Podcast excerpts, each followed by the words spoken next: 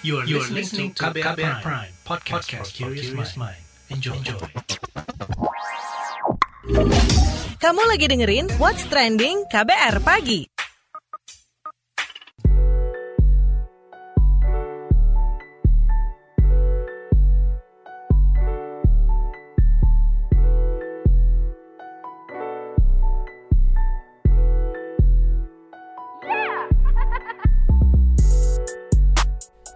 Pagi, siaran pagi radio paling update. Selamat pagi, ketemu lagi dengan saya Don Brady di What's Trending KBR Pagi. Hari ini di tanggal 14 Mei 2021.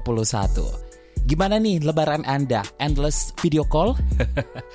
well ya, nggak apa-apa ya. Namanya juga demi menjaga kesehatan jiwa orang-orang yang kita cintai atau sayangi kan. Sekarang itu hari Jumat, hari kedua lebaran pas weekend pula. Punya rencana buat liburan atau berwisata bareng keluarga?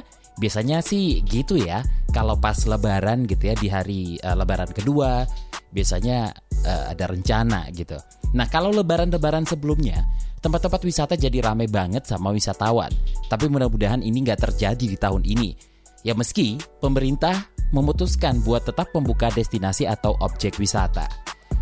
Kudunya pengelola objek wisata menerapkan protokol kesehatan yang ketat dan kita sebagai pengunjung harus patuh ya kan? Nah sebelum kita bahas lebih lanjut lagi soal prokes buat objek wisata mungkinkah diterapkan? Kita dengarkan dulu yuk opini warganet plus 62 berikut ini.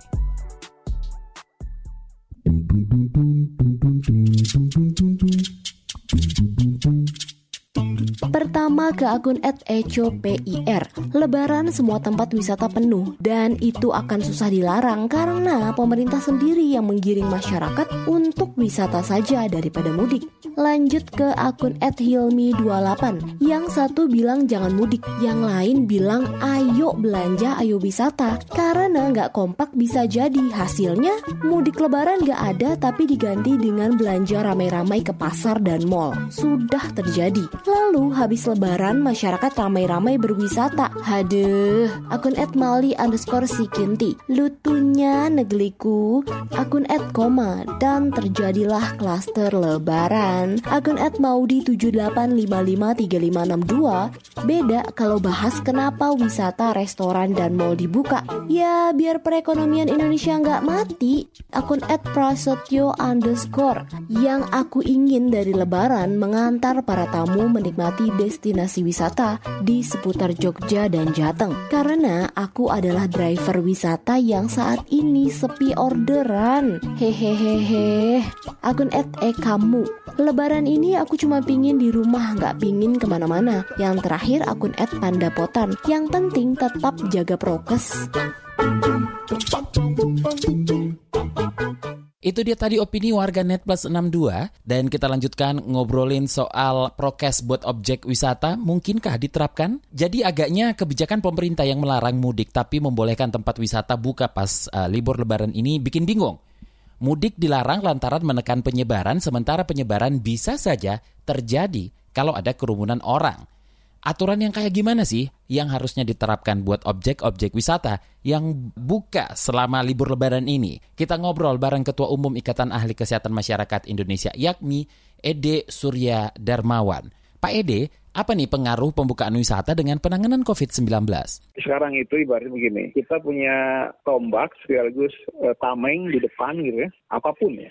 Bahkan untuk pelayanan kesehatan pun tombak dan tamengnya itu sama, yaitu penanganan COVID. Nah, penanganan COVID itu adalah protokol kesehatan yang disiplin diterapkan. Gitu. Sama untuk pelayanan kesehatan begitu, untuk aktivitas apa pun termasuk berwisata ke tempat wisata, untuk kerja lagi yang lain, tombak dan tamengnya di depan itu adalah protokol kesehatan yang diterapkan dengan ketat. Jadi kalau dibalik begini, bisakah kita gitu ya menegakkan proses penjaminan? Gitu. Itu isunya. Proses penjaminan itu bisa dilakukan ya di tempat wisata kuliner kah atau wisata seperti tempat umum Ragunan, waterboom dan lain-lain gitu itu ya boleh-boleh selama protokol kesehatannya itu memang ditegakkan dengan benar dan ada proses penjaminan itu dilakukan gitu.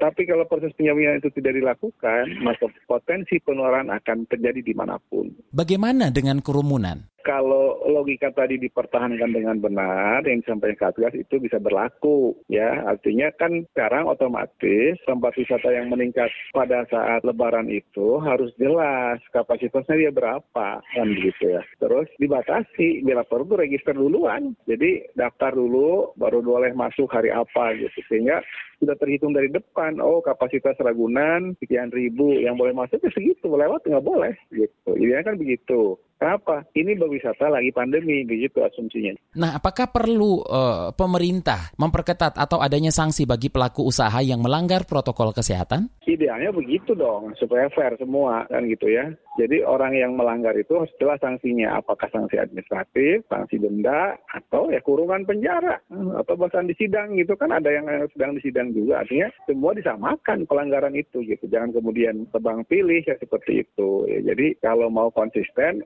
orang baru akan melihat masyarakat, oh iya, masa pemerintah itu punya kebijakan yang jelas, ya, tegas di dalam penyelenggaraannya, dan sinkron di dalam pelaksanaannya kan begitu. Kalau itu terjadi itu cepat gitu, tapi kalau misalnya jelas sih, tapi kemudian jelas juga pelanggarannya dan dibiarkan gitu. Nah, udah semua orang akan ngakalin, bahkan dia akan berbangga. Eh, gua ngakalin pemerintah berhasil loh. Gitu. Ini yang barangkali harus dipahami ya. Gitu. Terima kasih Ketua Umum Ikatan Ahli Kesehatan Masyarakat Indonesia atau IAKMI, Ede Surya Darmawan. What's trending KBR pagi?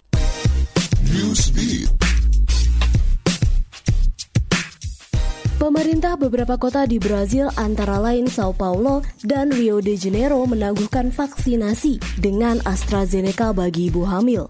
Melansir AFP, penangguhan didasari rekomendasi Kementerian Kesehatan negara tersebut. Otoritas Kesehatan Brazil mengungkapkan penggunaan dilakukan sampai pihak terkait menemukan kepastian penyebab kematian seorang wanita usai divaksinasi. Saat ini kasus tersebut masih diselidiki lebih lanjut dengan menganalisa keseluruhan kasus. Selain Brazil, Norwegia juga menghentikan penggunaan vaksin AstraZeneca. Presiden Turki Tayyip Erdogan dan Presiden Rusia Vladimir Putin membahas ketegangan yang terjadi antara Israel dan Palestina. Erdogan mengusulkan pengiriman penjaga perdamaian internasional ke Palestina untuk melindungi wilayah tersebut. Situasi ini terjadi akibat penutupan akses masuk ke kompleks Masjid Al-Aqsa. Selain itu, selebritas dunia seperti Gigi dan Bella Hadid, Zayn Malik, serta Gal Gadot turut menyuarakan konflik yang menewaskan 67 orang di jalur Gaza dan tujuh orang di Israel. Mereka menyerukan soal kemanusiaan, perdamaian, dan keadilan di tengah konflik ini. Selebritas Amerika Serikat Ellen DeGeneres menghentikan acara bincang-bincang atau talk show yang dipandunya pada 2022. Ia memutuskan menghentikan acara tersebut usai 19 tahun mengudara sebab Ellen ingin mencari tantangan baru dalam kehidupannya. Baginya acara tersebut sangat hebat dan menyenangkan, namun sudah tidak menantang lagi untuk dijalani. Mengutip New York Times, pasangannya Potria De Rossi juga mendorong Ellen untuk tak meneruskan show itu.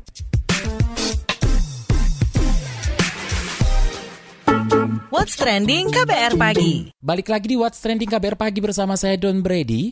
Prokes buat objek wisata mungkinkah diterapkan? Itu yang kita obrolin pagi ini. Paham banget sih sebenarnya ya kalau uh, masih ada yang kekeh mau liburan bareng keluarga ke satu tempat wisata di dalam kotanya masing-masing. Selain silaturahmi, mungkin ada yang menjadikan libur lebaran ini sebagai momen buat melepas stres atau kebosanan lantaran gak bisa ke mana-mana. Lainnya mungkin beralasan kalau objek wisata pasti menerapkan protokol kesehatan secara ketat. Objek wisata yang boleh dibuka memang kudu menerapkan protokol kesehatan secara ketat. Tapi apa mungkin bisa dilakukan? Kita ngobrol dengan Ketua Ikatan Cendikiawan Pariwisata Indonesia atau ICP, Azril Azari. Pak Azril, apa saja nih tempat atau jenis wisata yang bakal penuh selama sisa libur lebaran ini? Kan yang dibolehkan hanya yang hijau. Nah, itu juga terbatas. Yang bagus adalah sebenarnya eh, kalau yang diinginkan oleh masyarakat, tentu mereka ingin yang rame-rame. Dia membawa keluarga sambil dia berrekreasi, sambil dia berwisata juga, sambil dia bersilaturahim. Kalau di Jakarta misalnya yang rame itu kan pasti Ancol, kemudian kebun binatang, Taman Mini Indonesia Indah. Jadi artinya yang massal jadi padahal dengan adanya pandemi COVID-19 ini yang massal itu sudah harus dibatasi sangat-sangat dibatasi. Nah, kira-kira seperti apa peningkatan jumlah pengunjung selama libur lebaran ini, Pak? Jangankan libur panjang ya. Hari weekend saja, Sabtu Minggu itu sudah banyak orang keluar kota. Misalnya yang orang Jakarta, ya kita nah, orang mau pergi ke Bogor, ke puncak.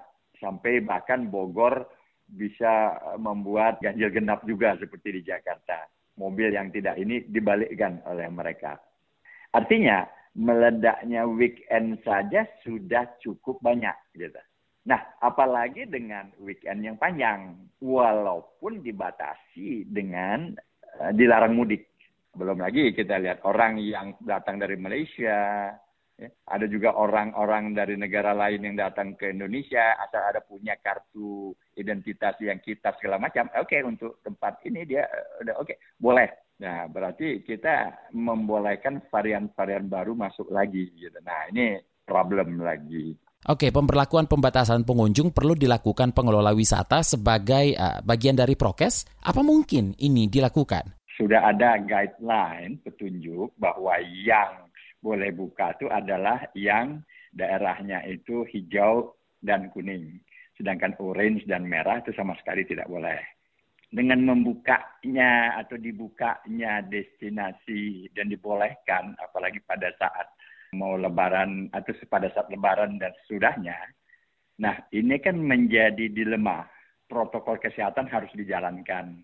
Ini kan dilemanya itu adalah apakah kita berpihak kepada ekonomi, tetapi protokol kesehatan sebenarnya kan tidak bisa ditoleransi harusnya. Nah, harusnya ada keseimbangan. Nah, ini yang barangkali yang pemerintah gamal bagaimana menyeimbangkan antara ekonomi dengan protokol kesehatan. Dengan protokol kesehatan yang sederhana, yang 3M saja. Memakai masker, saya rasa bisa.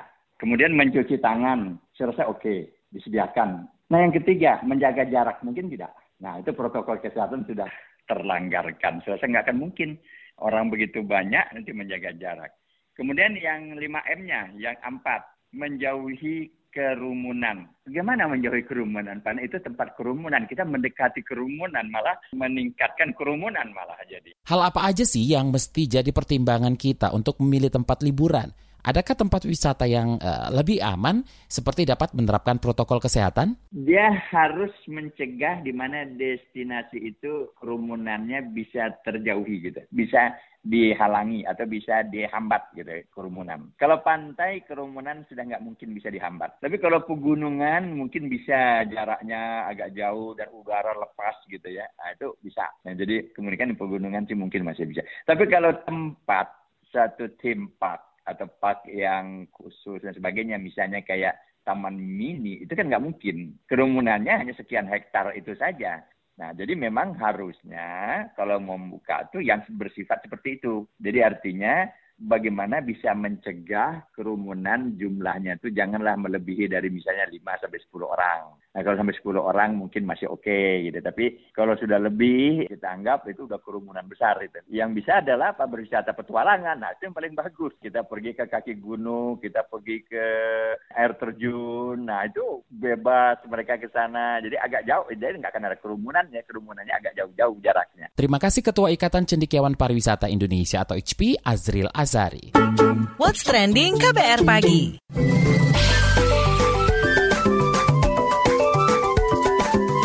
WhatsApp Indonesia WhatsApp Indonesia hari ini kita awali dari Jakarta. Pengurus Besar Nahdlatul Ulama PBNU mengajak masyarakat silaturahmi lebaran secara daring. Ketua PBNU Marsudi Syuhud mengatakan silaturahmi harus tetap dijaga meski dalam situasi pandemi COVID-19. Ia meminta masyarakat untuk memanfaatkan teknologi digital ketimbang bertemu langsung karena kondisi penularan COVID-19 yang masih mengancam. Masudi Syuhud menambahkan, tidak bersilaturahmi secara langsung atau tatap muka merupakan tujuan syariah yang terbesar di kala situasi pandemi. Itu sama artinya menjaga jiwa dari penularan COVID-19. Sebelumnya, Menteri Komunikasi dan Informatika Juni J. Plate menyerukan agar masyarakat berlebaran secara digital. Ia juga mengajak masyarakat bersilaturahmi dengan memanfaatkan teknologi digital. Dia mengklaim akan memastikan kualitas jaringan telekomunikasi aman saat digunakan dalam momen lebaran.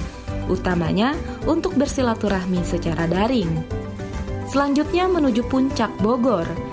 Petugas gabungan di perbatasan Puncak Cianjur merenggangkan penyekatan akibat volume kendaraan yang meningkat dari arah Bogor.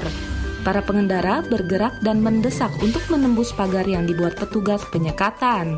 Melansir Antara News, Kapolres Cianjur AKBP Muhammad Rifai mengatakan, ribuan orang berusaha keluar dari jalur penyekatan di kawasan Puncak Pas dan membuat petugas kewalahan. Ia mengklaim segala upaya telah dilakukan petugas untuk menghentikan laju mobilitas ribuan kendaraan roda 2 dan ratusan kendaraan roda 4 di wilayah tersebut. Selain itu, masyarakat juga menggunakan jalur-jalur tikus untuk menghindari penyekatan yang dilakukan petugas setempat. Terakhir, mampir ke Kota Waringin Timur, Kalimantan Tengah. Melansir kantor berita Antara, pemerintah Kabupaten Kota Waringin Timur menutup objek wisata Pantai Unjung Pandaran selama Hari Raya Idul Fitri 2021 gunanya untuk mencegah penyebaran mutasi virus COVID-19 dari India pemerintah beranggapan virus B1617 harus ditangani dengan serius. Mereka juga mengungkapkan varian ini telah ditemukan di kabupatennya, sehingga penutupan objek pariwisata harus dilakukan. Penutupan objek wisata Pantai Ujung Pandaran dilakukan karena setiap tahunnya pantai ini didatangi ribuan wisatawan lokal maupun luar daerah. Sebab objek wisata andalan Kota Waringin Timur ini hanya berjarak 85 km dari pusat kota Sampit. Potensi keramaian ini dianggap beresiko tinggi menyebarkan mutasi virus COVID-19 dari India yang telah ditemukan di kabupaten tersebut. Keputusan ini juga diambil setelah melakukan pengkajian, pertimbangan, serta pembahasan dengan stakeholder terkait. Demikian WhatsApp Indonesia hari ini. What's Trending KBR Pagi. Commercial break. Commercial break. Ya, ada lagu ini pula buat rindu kampung ini. Ah, nelfon mama ah. Apa kabar dia nih ya? Eh, Tigor, lagi di mana kau? Di kosan, Mak. Mama apa kabar? Kuliahmu udah libur kan? Pulanglah kau, nak. Di kampung aja. Nanti kau keluar-keluar kena pula sakit si Corina itu. Eh, siapa namanya itu? Corona kan? Corona betul ya? Eh, ditanya kabar malah panjang mama ini jawab. Nggak boleh pulang, Mak. Kan pemerintah juga menganjurkan untuk tidak ke mana-mana, apalagi mudik atau pulang kampung. Kalau di jalan kena virusnya, terus bawa ke kampung gimana? Bandel kali kau. Di kampung mana ada corona? Mama sehat-sehat aja loh ini. Bukan begitu, Mak. Orang tua itu kan paling rentan nih kena virusnya. Jadi diam-diam aja di rumah ya, biar cepat selesai masalah corona ini. Bangga kali Mama sama kau Tigor. Gak salah Mama sekolahkan kau jauh-jauh ke Jakarta, Amang. Jadi tenang Mama di sini. Sehat-sehat ya anakku, Amang. Iya, Mak. Mama juga ya. Tetap aman di rumah bersama media lawan COVID-19. What's Trending KBR Pagi. Masih di What's Trending KPR Pagi untuk segmen terakhir kita akan putarkan podcast Al-Quran dalam jelajah arkeologi. Episode kali ini kita akan mendengarkan soal tanda kekuasaan Allah di Mesir. Beberapa kisah di Al-Quran tidak secara utuh menyebutkan nama, tempat, dan waktu. Namun, hal ini seperti tidak berlaku bagi kisah di Mesir yang identik dengan nama Nabi Yusuf, Nabi Musa, dan Fir'aun ditafsirkan bahwa Allah ingin memberikan petunjuk bahwa tempat tersebut memiliki pertanda yang dapat dilihat dan dipelajari manusia secara langsung. Bagi yang terbiasa memerlukan bukti fisik, maka Allah menampakkan sebagian dari tanda-tanda kekuasaannya. Kenapa Mesir dan seperti apa tanda kekuasaannya? Langsung saja kita simak podcast ini disadur dari buku arkeologi Al-Quran karya Dr. Ali Akbar. Isi podcast sepenuhnya tanggung jawab penulis.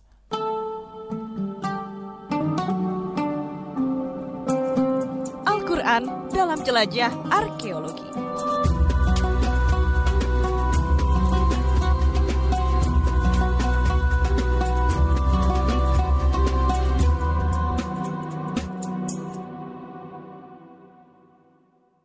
Assalamualaikum warahmatullahi wabarakatuh. Bismillahirrahmanirrahim. Alhamdulillahirrabbilalamin. Wassalatu wassalamu ala rasulillah. Pada podcast Al-Quran dalam Jelajah Arkeologi kali ini berjudul Tanda Kekuasaan Allah di Mesir. Tanda-tanda kekuasaan Allah dapat kita lihat di mana pun, tetapi kali ini kita akan membahas tanda kekuasaan Allah di Mesir. Al-Quran memuat beberapa kisah yang tidak secara utuh menyebutkan nama, tempat, dan waktu. Ketidakutuhan tersebut sesungguhnya menunjukkan kehendak Allah agar kisah tersebut dapat menjadi contoh dan teladan bagi siapa pun, di mana pun, dan kapan pun. Meskipun demikian, beberapa kisah secara khusus menyebut nama tempat atau lokasi. Hal ini dapat ditafsirkan bahwa Allah Subhanahu wa taala ingin memberi petunjuk bahwa di tempat tersebut terdapat tanda-tanda yang dapat dilihat dan dipelajari manusia secara langsung. Salah satu nama tempat yang disebut dalam Al-Quran adalah Mesir. Kata Mesir disebut sedikitnya empat kali, yakni dalam surat Yunus surat ke-10 ayat 87, surat Yusuf surat ke-12 ayat 21 dan ayat ke-99, surat Az-Zukhruf surat ke-43 ayat 51. Pada ayat-ayat tersebut kata Mesir berasosiasi dengan nama Nabi Yusuf, Nabi Musa, dan Fir'aun. Para peneliti dan ilmuwan umumnya menyatakan Nabi Yusuf hidup di Mesir pada sekitar tahun 1630 sampai 1520 sebelum Masehi, yakni ketika bangsa Hyksos menguasai Mesir. Dalam Al-Quran, kata yang digunakan untuk menyebut penguasa Mesir saat itu adalah kata Malik. Jadi konteks Nabi Yusuf adalah dengan kata Malik, bukan kata Fir'aun. Kata ini menjadi salah satu dasar untuk menafsirkan bahwa raja-raja atau dinasti yang menguasai Mesir pada saat Nabi Yusuf hidup berasal dari luar Mesir. Patut ditambahkan bahwa pada periode akhir kerajaan Mesir juga dapat dikuasai. Mesir pernah dikuasai oleh bangsa dari luar Mesir. Fir'aun adalah istilah untuk menyebut penguasa di Mesir. Sebutan ini mungkin di tempat lain dikenal dengan nama raja, kaisar, atau sultan. Peradaban Mesir timbul berjaya kemudian tenggelam di periode sebelum Masehi atau sebelum Nabi Isa lahir. Al-Quran kemudian menyebut nama Mesir pada tahun 600-an Masehi atau ketika Nabi Muhammad SAW menerima wahyu, yakni antara tahun 610 sampai 632 Masehi. Ekspedisi militer yang diperintahkan oleh Napoleon Bonaparte tahun 1799 Masehi secara tidak sengaja menemukan prasasti yang kemudian dikenal dengan sebutan Batu Rosetta setelah dicoba oleh beberapa ahli, akhirnya Champollion tahun 1822 dapat membaca tulisan-tulisan pada prasasti tersebut yang kemudian membuka jalan untuk mengetahui peradaban yang pernah berlangsung di Mesir, yakni selama sekitar 5.000 tahun yang lalu atau 3.000 sebelum Masehi. Peristiwa tersebut direspon oleh beberapa pihak, salah satunya adalah para petualang pencari harta karun. Pihak lainnya yang belakangan hadir adalah para ilmuwan atau peneliti khususnya arkeolog. Dengan berbagai motif tersebut, akhirnya banyak artefak dari Mesir dibawa ke berbagai negara. Dan singkat cerita, sebagian kini dapat disaksikan di berbagai museum di luar Mesir. Mungkin hanya artefak-artefak Mesir yang dapat dijumpai di museum berbagai negara melebihi artefak dari tempat-tempat lain. Allah Subhanahu wa taala tidak dapat dilihat karena bersifat gaib. Untuk mengetahui keberadaannya, antara lain dengan melihat dan memahami penciptaan manusia dan alam semesta. Allah Subhanahu wa taala menampakkan sebagian dari tanda-tanda kekuasaannya. Untuk yang terbiasa meminta bukti fisik atau material atau bendawi, maka sebagaimana dinyatakan dalam beberapa ayat, manusia diminta untuk berjalan di muka bumi agar melihat kesudahan umat-umat terdahulu. Allah Subhanahu wa taala Maha memberi petunjuk untuk mengetahui petunjuknya, sebagian dapat dibaca dalam Al-Quran yang diturunkan kepada Nabi Muhammad SAW yang kemudian disampaikan kepada umat manusia. Ketika secara jelas Al-Quran mencantumkan kata Mesir, maka dapat ditafsirkan bahwa Mesir merupakan bagian dari kehendak dan petunjuknya. Al-Quran dapat dibaca oleh siapa pun antara lain berkat penerjemahan ke dalam berbagai bahasa, sehingga menjangkau manusia di berbagai negara. Ketika manusia membaca, menyebut, atau mendengar kata Mesir, seperti dimudahkan untuk segera mencari informasi awal. Berbagai media cetak dan media elektronik membahas mengenai Mesir. Film dan berbagai multi platform yang berkisah atau berlatar peninggalan-peninggalan di Mesir seakan turut menjadi undangan untuk berkunjung. Berbagai artefak asal Mesir di berbagai negara seakan menjadi pemikat untuk melakukan perjalanan ke Mesir dan melihat langsung di tempatnya. Mesir saat ini merupakan negara dengan mayoritas penduduk beragama Islam. Fir'aun menentang Nabi Musa, namun demikian berbagai peninggalan Fir'aun sampai saat ini dilestarikan dan dapat disaksikan oleh setiap orang yang berkunjung ke Mesir. Tanda-tanda kekuasaan Allah jelas tampak di Mesir. Salah satunya adalah sangat banyak peninggalan dari periode sekitar 2000 sebelum Masehi masih dapat ditemukan kembali dan disaksikan sepanjang sungai Nil, misalnya dari Aswan sampai Giza, bahkan sampai Alexandria. Padahal di tempat lain atau di negara lain, arkeolog hanya dapat mengais sisa-sisa peradaban yang sangat terbatas baik dari kualitas maupun kuantitas. Dapat ditafsirkan bahwa Allah Subhanahu wa taala menghendaki manusia untuk datang atau minimal dari kediamannya masing-masing mempelajari Mesir, khususnya yang terkait dengan kisah-kisah yang disebut dalam Al-Quran. Assalamualaikum warahmatullahi wabarakatuh.